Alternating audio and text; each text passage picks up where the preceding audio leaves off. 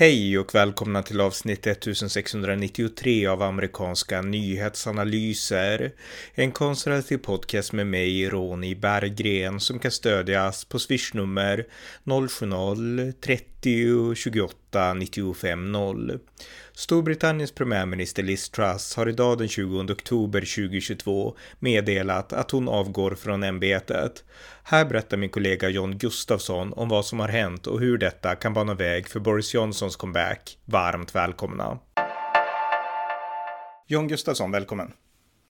Tack så mycket! Vi har nu bara för några minuter sedan fått veta att Storbritanniens premiärminister Liz Truss avgår och eh, varför gör hon det?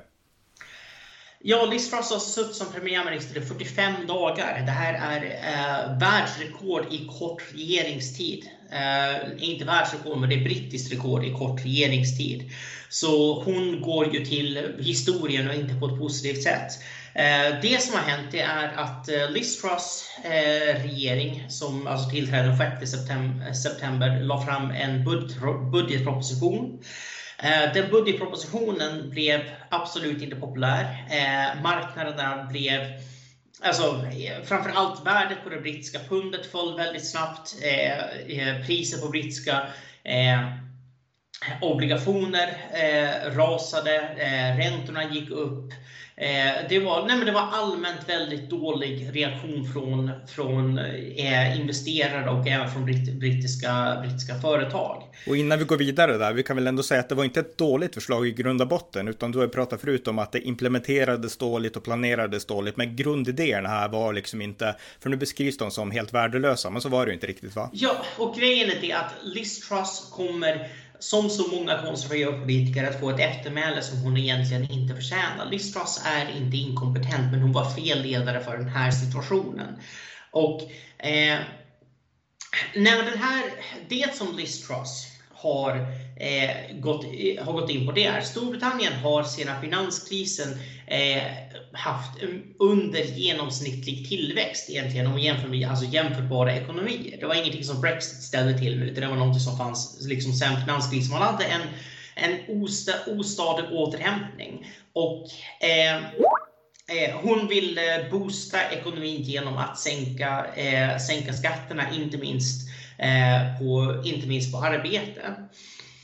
Och, eh, så en av de mest kontroversiella bitarna i det här, så, i det här förslaget det var att eh, eh det var att eh, eh, man skulle sänka den, marginal, den högsta marginalskatten för, på inkomster från 45 ner till 40 mm. Och Eh, det eh, eh, det är en eh, jättebra idé. av väldigt många skäl. Och eh, man skulle också låta bli att höja företagsskatten. så, alltså den tidigare Johnsons regering hade aviserat att man skulle höja företag, företagsskatten. Det, den höjningen ställde Liz Truss in. Eh, man sänkte också arbetsgivaravgiften i den här budgeten. Det var jättemycket saker här som var väldigt bra och väldigt tillväxtvänlig politik. Eh, för att eh, nej, alltså, eh, Storbritannien måste bli mycket mer konkurrenskraftigt. Eh, och i synnerhet när man nu ska bli en mer global ekonomi som inte är lika centrerad eh, kring Europa. Då måste man ha global konkurrenskraft och krävs det mer radikala ekonomiska reformer än vare sig Johnson eller May eller Cameron eh, vågade sig på. Mm. Så Liz Truss hade rätt i sak. Men hon gjorde ett par, eh, ett par, det var en underdrift. Hon gjorde ganska många misstag med den här budgeten. Eh, det första det var, in, eh, det var elprissubventionen eller el och uppvärmningssubventionen. Eh, den behövs såklart, men hon gjorde den mycket, mycket eh, större än den egentligen måste vara. Och eh, hon såg också till så att den subventionen ska vara i två års tid. Och istället för de flesta regeringar nu, de beslutar ungefär 3-6 månader i taget. Eh, vi vet inte vad elpriserna kommer ligga på hösten 2024, så varför ska man ha en subvention som räcker ända, ända tills dess? Det är en massiv utgift för staten. Den här subventionen var också heller inte riktad specifikt till vare sig till låginkomsttagare eller till de som hade särskilt hög Eh, elkonsumtion, till exempel villaägare, utan den var liksom en, alla britter drog, drogs över en kam. Det var, liksom, det var väldigt tydligt ett havsverk. Man ville få, få dit subventioner och ville få dit det så snabbt det bara gick. Vi kan förstå tanken bakom det, men det gjorde att den blev onödigt dyr och det gjorde att finansmarknaderna fick intrycket av att den här brittiska regeringen spenderar ju pengar som att det inte finns någon morgondag. Eh, och då måste man komma ihåg i sammanhanget, Storbritanniens statsskuld är visserligen lägre än övriga större, eh, större, större ekonomier, men om vi jämför med ja, Italien, Frankrike, USA, Kanada, eh, liksom liknande, liknande eh, ekonomier så är den lägre. Men den har ökat väldigt, väldigt snabbt under pandemin för att Storbritannien eh, hade en väldigt sträng nedstängning eh, där staten gick in och betalade människor för att, eh, för att de skulle kunna stanna hemma. Och eh, för att staten tvingade företagen att stänga ner sin verksamhet och då fick staten ta över, eh, ta över notan för lönerna. Och det gjorde man och betalade nästan 100 eh, av, eh, av lönerna för över 10 miljoner löntagare. Så, att, eh, så finansmarknaden noterade att Storbritanniens statsskuld har ökat jättesnabbt och nu så med Liz Truss energisubvention plus, skattesä plus skattesänkningar så såg det ut att dra iväg riktigt, riktigt eh, på, på, allvar och då kände man inte att man hade förtroende för den brittiska ekonomin längre. Men det andra allvarliga misstaget var att den här budgeten innehöll nästan inga eh, utgiftsminskningar. Eh, för det är annars typiskt, man sänker skatten men då minskar man också statens utgifter. Eh, det tänkte Liz Truss skjuta på framtiden och det är väl okej okay, med att man går in i en lågkonjunktur. Eh, för det är känsligt att sänka utgifter i en lågkonjunktur. Men, jag, menar, jag kan förstå logiken, men man borde ändå aviserat att vi kommer att titta på det här och det här och det här departementet för utgiftssänkningar från och med liksom nästa år eller något. Man borde, man borde ha visat invester, investerare och företag. Vi har inte helt glömt bort statsskulden. Vi fattar att det här är ett problem. Vi har inte tänkt, vi har inte tänkt ignorera det här, utan det här är, eh, det här, det här är tillfälligt. Eh, man styrde upp det dåligt och det vart mindre och mindre populärt och till slut så fick ju finansministern bära skulden för det till att börja med. Ja, det kanske beror på att finansministern har skulden för det. Nej, men eh, faktum är att Kwasi Kwarteng eh, är eh, inte kompetent nog att vara finansminister. Och eh, Eh, framförallt så var det många saker i budgeten som han inte hade gått igenom för Liz Truss. Och när Liz Truss fick, eh, blev intervjuad om budgeten så var det flera förslag som det var uppenbart att ja, det är typ första gången jag hör att det här var med i budgeten.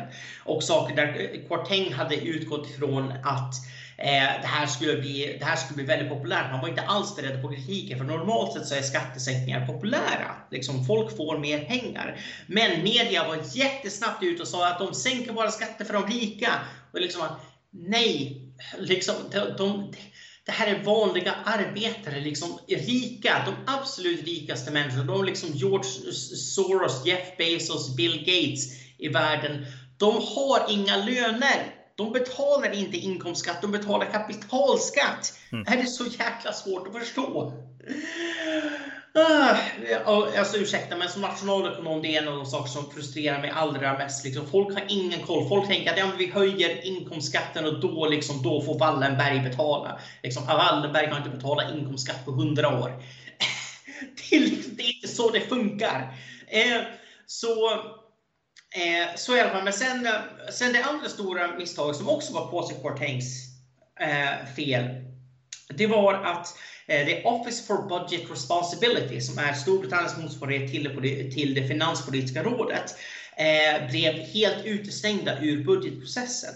Det är så att när en regering i Storbritannien eh, publicerar en budgetproposition så finns det alltid en bilaga med OBRs analys av budgeten där OBR alltså säger så här mycket kommer budgetunderskottet bli eller budgetöverskottet och liksom vi förutspår de här och de här effekterna på räntor, statsskuld, what have you. Liksom det är, det är en, en oberoende myndighet som ger en oberoende expertanalys av budgeten.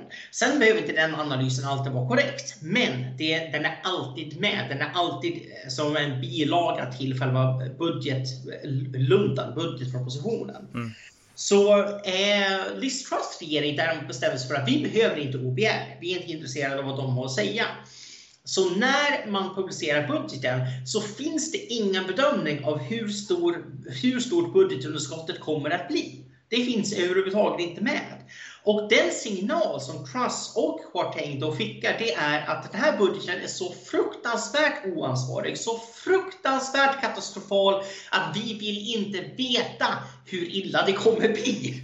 Liksom, vi föredrar att, in, att, att ingen får reda på hur mycket vi nu håller på att explodera landets statsskuld.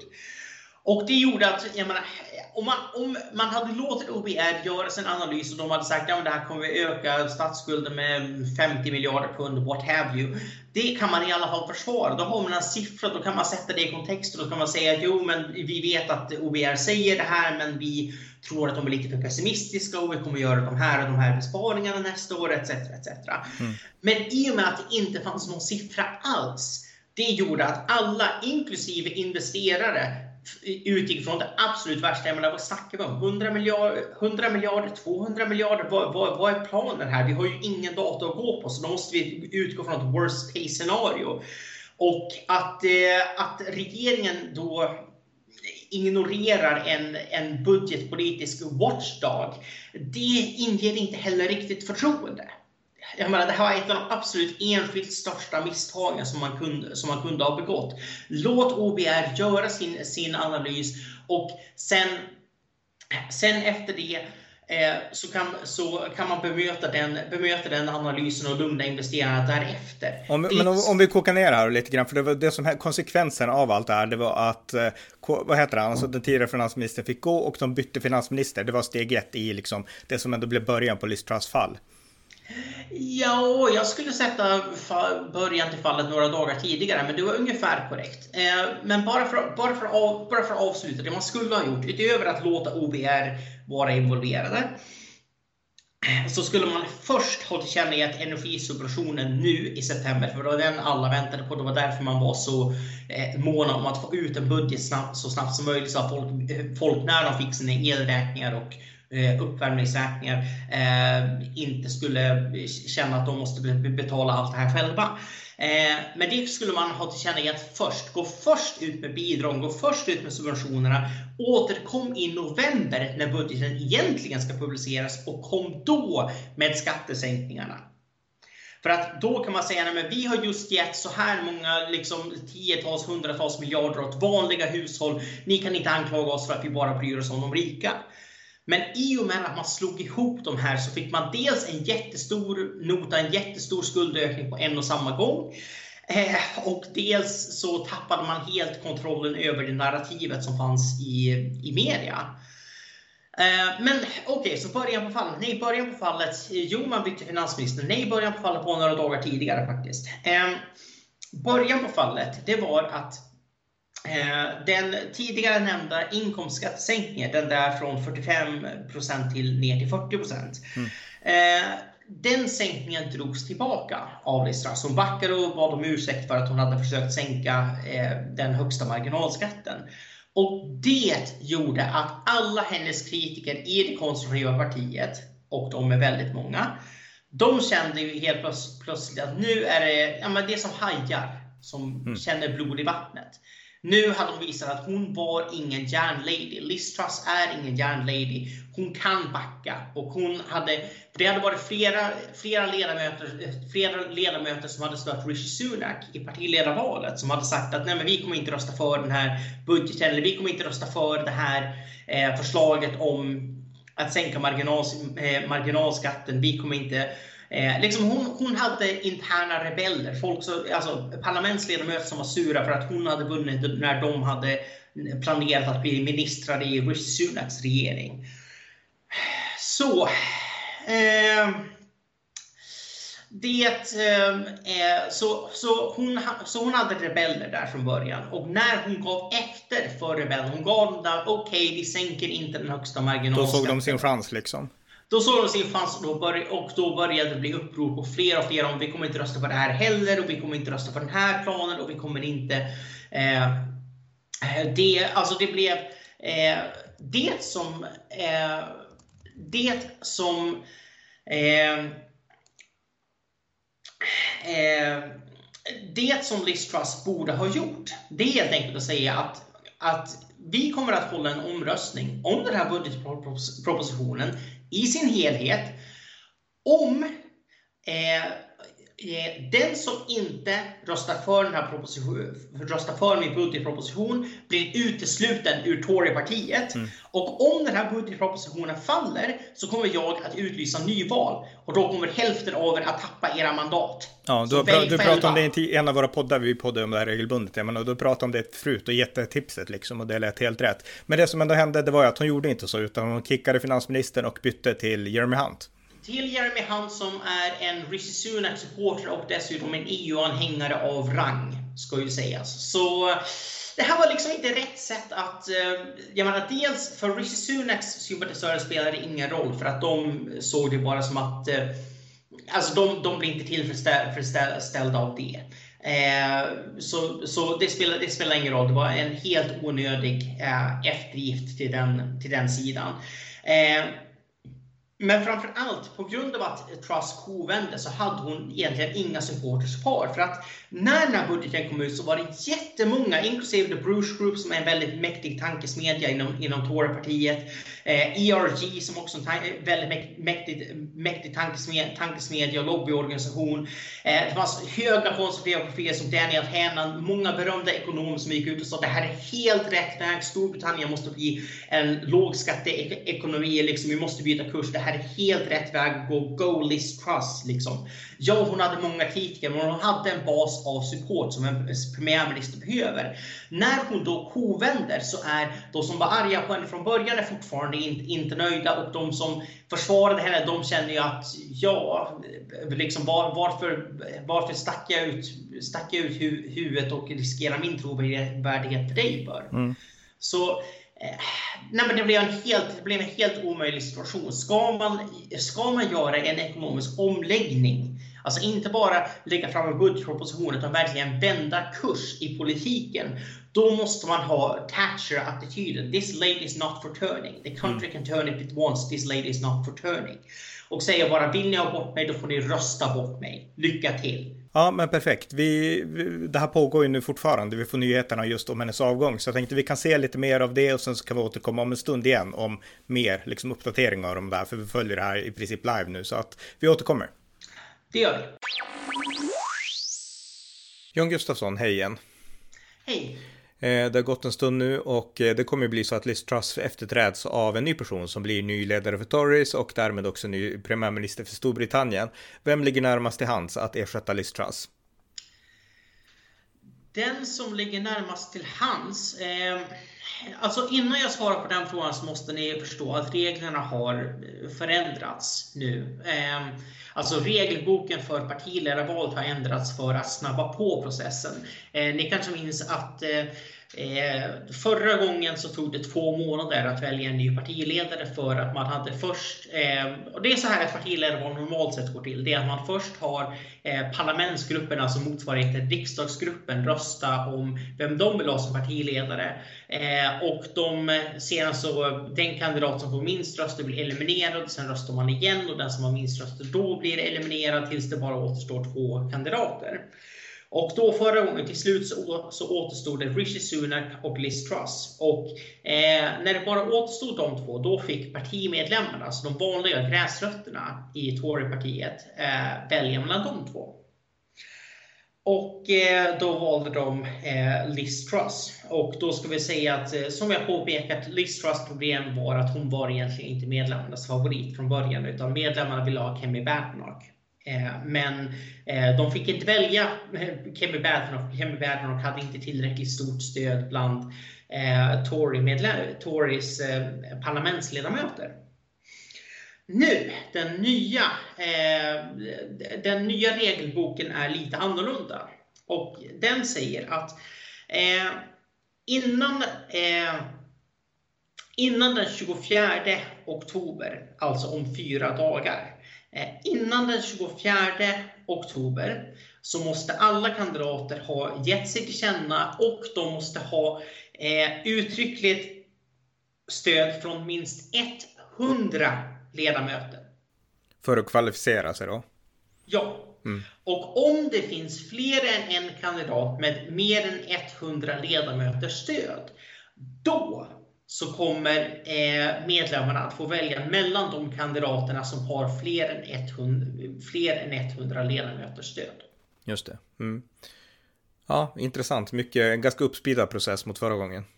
Och hela det här, och eh, dessutom ska omröstningen, eh, med, bland, alltså gräsrötternas omröst ska ske online den här gången. Eh, så en, eh, en internetomröstning helt enkelt om nästa premiärminister av Storbritannien. Så kommer man också göra.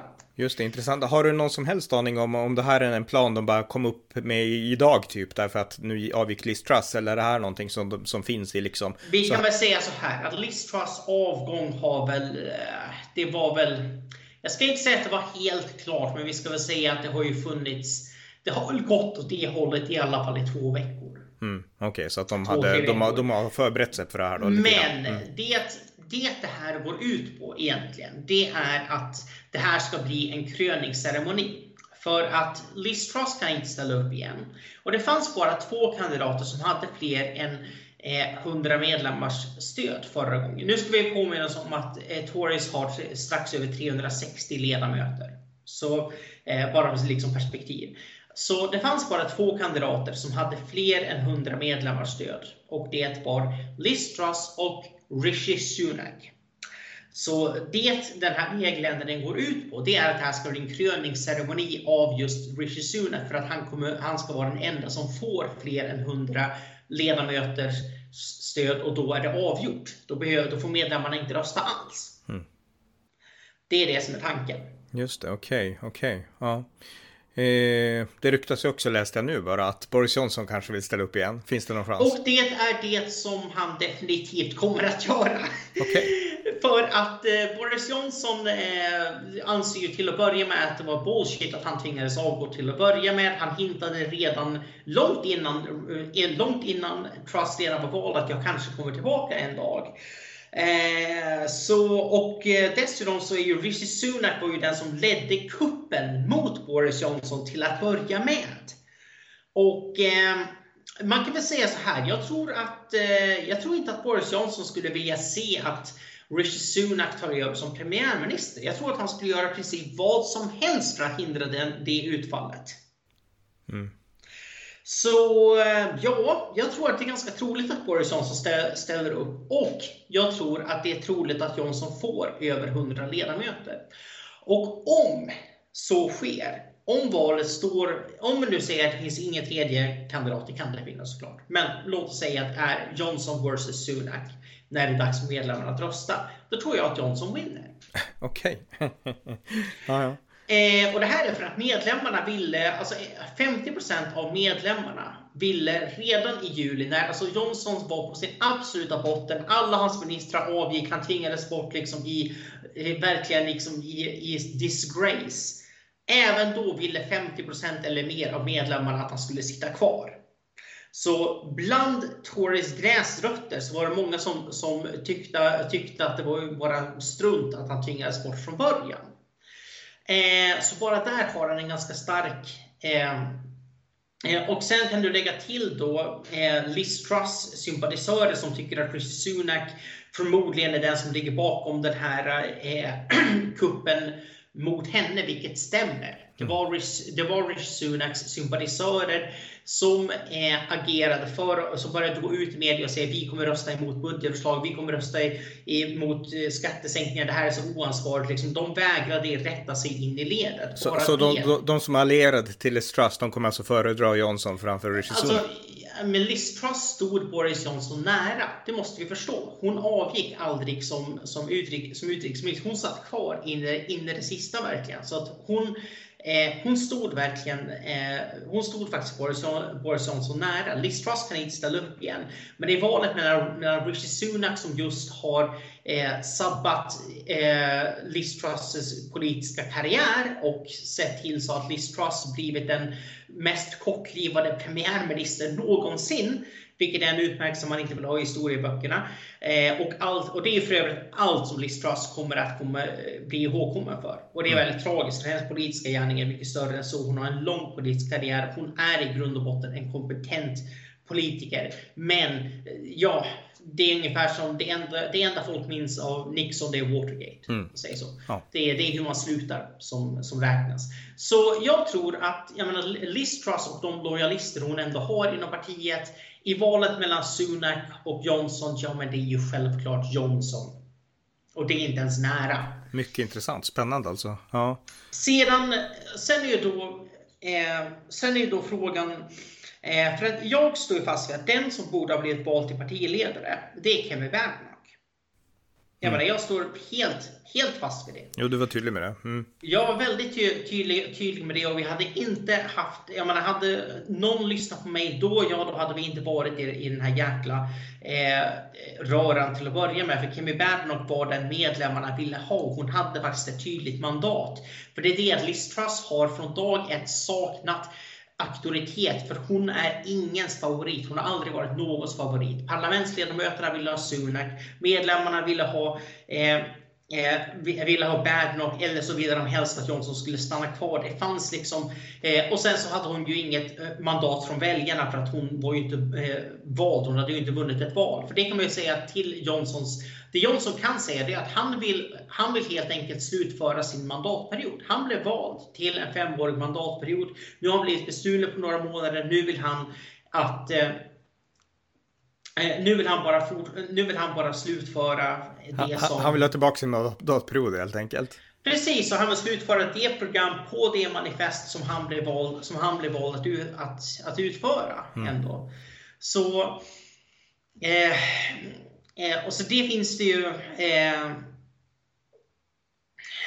eh, så, så, så jag menar, där, där, finns det ändå, där finns det ändå ett case. Eh, och eh, när det gäller, eh, däremot, jag menar, jag ehm, Förresten, jag sa fel tidigare. Penny Mordaunt hade också över 100 röster. Hon hade 105 röster. Eh, det tror jag inte att hon kommer att fixa nu. Eh, om jag ska vara helt ärlig. Eh, nej men alltså, eh, man, man, kan väl säga, man kan väl säga så här. Vem som än blir partiledare kommer att ta över ett parti som ligger under med över 30% i mätningarna. Eh, och då ska man antingen ha eh, någon som är total förnyelse, Kemi Berntnock, eller så ska man hålla tillbaka på Boris Johnson och säga att ja, men vi återgår till, menar, till den, som väl, den som väljarna ändå valde. Och, och vi ska också säga till Johnsons till Johnsons fördel. Johnson är en väldigt stark kampanjare. Mm. Alltså han är riktigt duktig debattör, han är väldigt folklig. Är det någon som kan ta in ett försprång under en valkampanj i två år eh, så, så, så, är det, så är det väl han. Eh, förhoppningsvis kan han uh, låta bli att festa under den här kommande två åren. Det är väl typ nästa, nä, nästa detalj. Men, eh, nej, alltså, eh, jag tror att Tories odds är dåliga oavsett. Jag står fast vid att den bästa partiledaren vore, vore Kemi Badenoch. Hon är, där, hon är den som står eh, längst till, hö, till höger, men hon har också, eh, hon har också de eh, credentials för, från just att bekämpa eh, bekämpa identitetspolitik. Ja. Eh, vi, vi, har pratat, vi behöver inte gå in på de detaljerna, utan det vi pratade om i tidigare poddar när vi pratade om förra liksom, val, partiledarkampanjen då, utan alltså de stora dragen nu då, vad händer nu de här närmsta, alltså inom fyra dagar, men vad händer nu imorgon och så här, alltså hur kommer de här att liksom arbeta nu för att nå fram? Uh, det som kommer uh, Eh, det som kommer, hända, som kommer hända nu det är att eh, eh, alltså, även trots att ingen har officiellt sagt att de har känner, ingen har officiellt känner sin, sin kandidatur än. Men eh, 27 ledamöter har gått ut och sagt att de stöder Boris Johnson. Eh, 26 ledamöter har gått ut och sagt att de stöder Rishi Sunak och 11 har gått ut och sagt att de stöder Penny Mordaunt. Det är de enda tre som har fått eh, endorsements så här långt. Så eh, ja, så det, det... det är bara att vänta då på att de här äh, liksom offentligt säger jag kandiderar.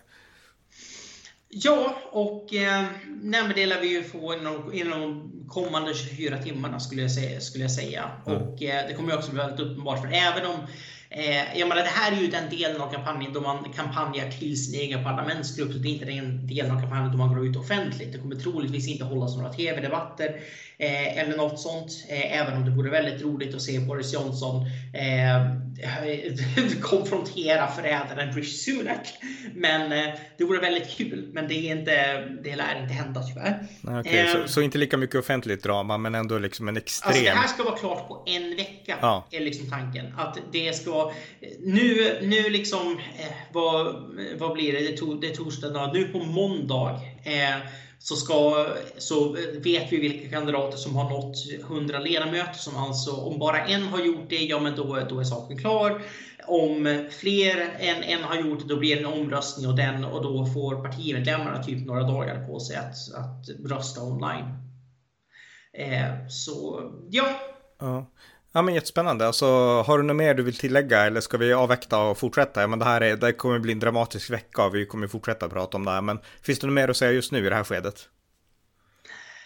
Eh, det, nej men jag tror att det är nog bäst att vi, det är nog bäst att vi, vi avvaktar och ser vad som eh, Eh, vi ska, väl också säga, vi ska väl också säga att bland, eh, det har faktiskt kommit en opinionsmätning som dock var före, det var 17-18 oktober, eh, om vem man ville ha som ledare om Liz Truss eh, avgick och eh, där ledde Boris Johnson. Mm, okay. eh, mm. Ganska stort. Spännande, spännande. Okej, okay, men tack så mycket John då för den här uppdateringen. Tack själv. Ni har lyssnat på podcasten amerikanska nyhetsanalyser som ni gärna får stödja på swishnummer 070-30 28 95 0 eller via hemsidan på Paypal, Patreon eller bankkonto. Skänk också gärna en slant till valfri Ukraina-hjälp. Stort tack för att ni har lyssnat.